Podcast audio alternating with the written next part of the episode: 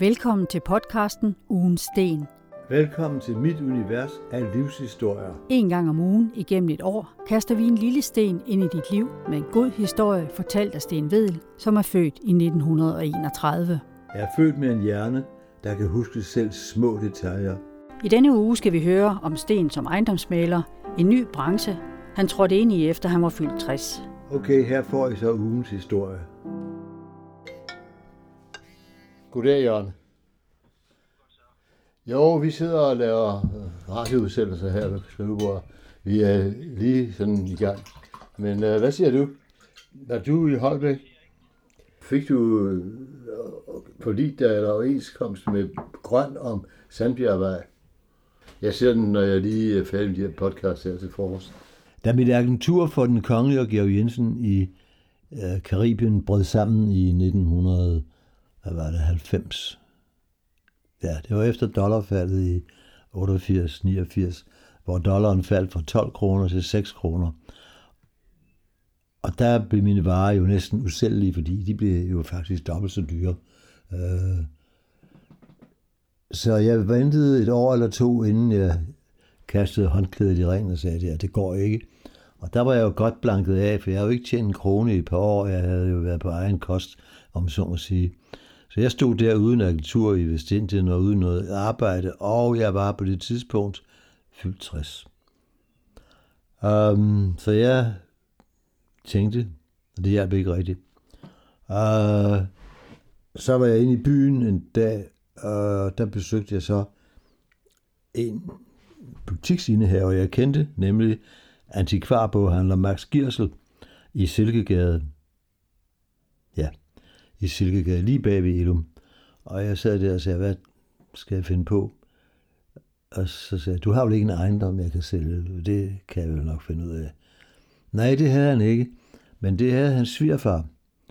Og øh, så så vi på det, og det korte lange er, at jeg fik lov at sælge den, og fik solgt den for 10 millioner. Det var et byejendom i Kronprinsens Gade. Øh, til på 14 dage, 3 uger, en måned. Nej, det var en måned. Den kostede 10 millioner og gik sådan. Og det synes jeg var interessant, for jeg tjente jo et salær på en kvart million. Det var sådan en halv årsløn for mig. Og så tænkte jeg, det, her, det er der lidt musik i. Og så har jeg faktisk været ejendomsmaler lige siden. Og det har jo ikke været sådan helt den dans på roser, som det øh, indledning her antyder, det har været meget op og ned og meget besværligt indimellem. Men jeg har dog haft mit udkomme derved, som det hedder. Øh, men øh, jeg var jo ikke uddannet ejendomsmælder. Jeg havde jo bare fået en ejendom til salg, og jeg var lykkedes med at sælge den. Og øh, så kom der en lov et par år senere om, at for at kunne handle med ejendom, i hvert fald beboelsesejendomme, skulle man have en uddannelse som ejendomsmaler, og så kunne man blive statsautoriseret, og det skulle man være. Nå, men så var der heldigvis en overgangsbestemmelse om, at hvis man havde været ejendomshandler, som det hed, i mere end to år, og derved haft hovedparten af sin indkomst, så kunne man gå over i registret uden eksamen. Og jeg havde været ejendomsmaler på det tidspunkt i tre år, og jeg havde ikke tjent andre penge end dem, jeg tjente ved ejendommen. Så jeg glider altså ind som statsautoriseret ejendomsmaler uden videre vrøvl, og det er jeg så endnu. Og det har jo ikke generet mig voldsomt, den manglende uddannelse. For i starten, der allierede jeg mig med en god ven, der var advokat, og jeg sagde, nu læser du alt, hvad jeg skriver, og der går ikke noget ud fra mit kontor, uden du har godkendt det. Så får du så så mange procent af, af salærerne. Og det fungerede i et par år, og så synes jeg godt, jeg kunne selv. Og så var jeg selvfølgelig forsikret øh, mod fejl og mangler. Øh, og så sagde jeg så mit samarbejde op med advokaten, hvilket han nu desværre tog lidt tungt, fordi han synes jo i og for sig, det kunne jeg jo godt have fortsat med. Men det synes jeg ikke, jeg ville af med 20 procent af min indtægt, hvis jeg selv kunne tage den. Nå, men øh, der så øh, andre mailere, øh, jeg mødte, sagde, Nå, hvornår blev du så uddannet? Så sagde jeg, jamen, jeg har jo bare læst en lille grønspættebog for ejendomsmaler. Det var jo alt nok, sagde jeg. Og så blev de underlige. Ja, men sådan er det jo.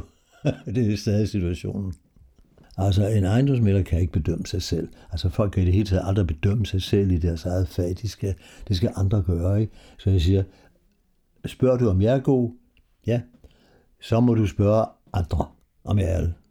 Det vil jeg ikke. Men selvfølgelig skal man, øh, der er visse ting, som bare gælder i almindelig opførsel. Man skal jo lade være at lyve, alt for meget i hvert fald. Man skal ikke lyve. Eller som min søster sagde, man skal sige sandheden, men man behøver ikke rute med den. Og det betyder jo ikke noget, det er noget vås. Men øh, det meste i ejendomsmælerbranchen er jo skemalagt i dag og belagt med love og bestemmelser.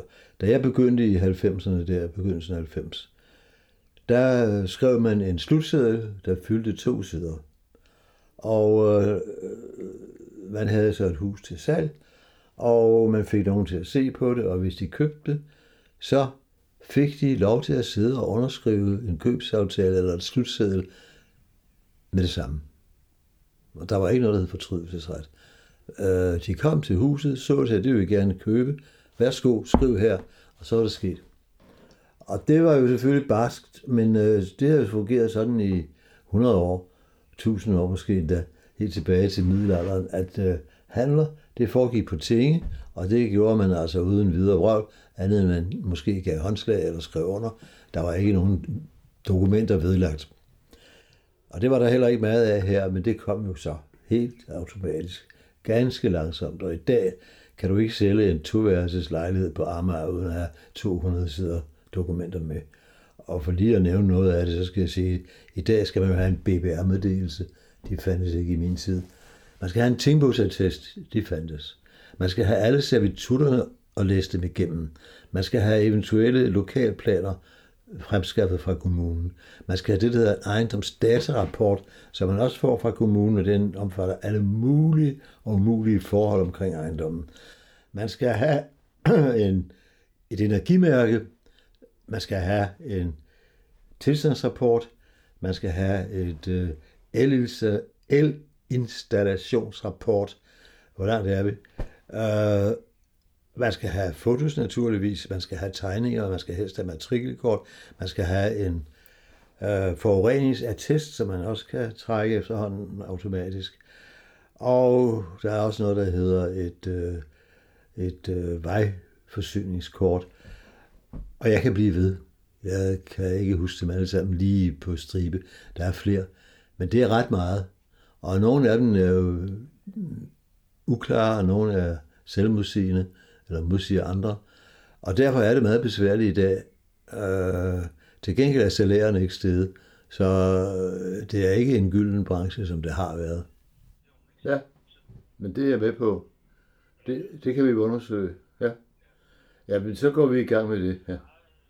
For hvis han er ved at være færdig, så kan vi jo godt begynde at, at røre på os igen. Ja, men bare vi har ro på alle fronterne, så går det nok.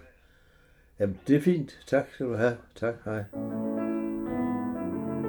Ugensten består af 52 podcast. På hjemmesiden ugensten.dk kan du finde flere oplysninger om serien.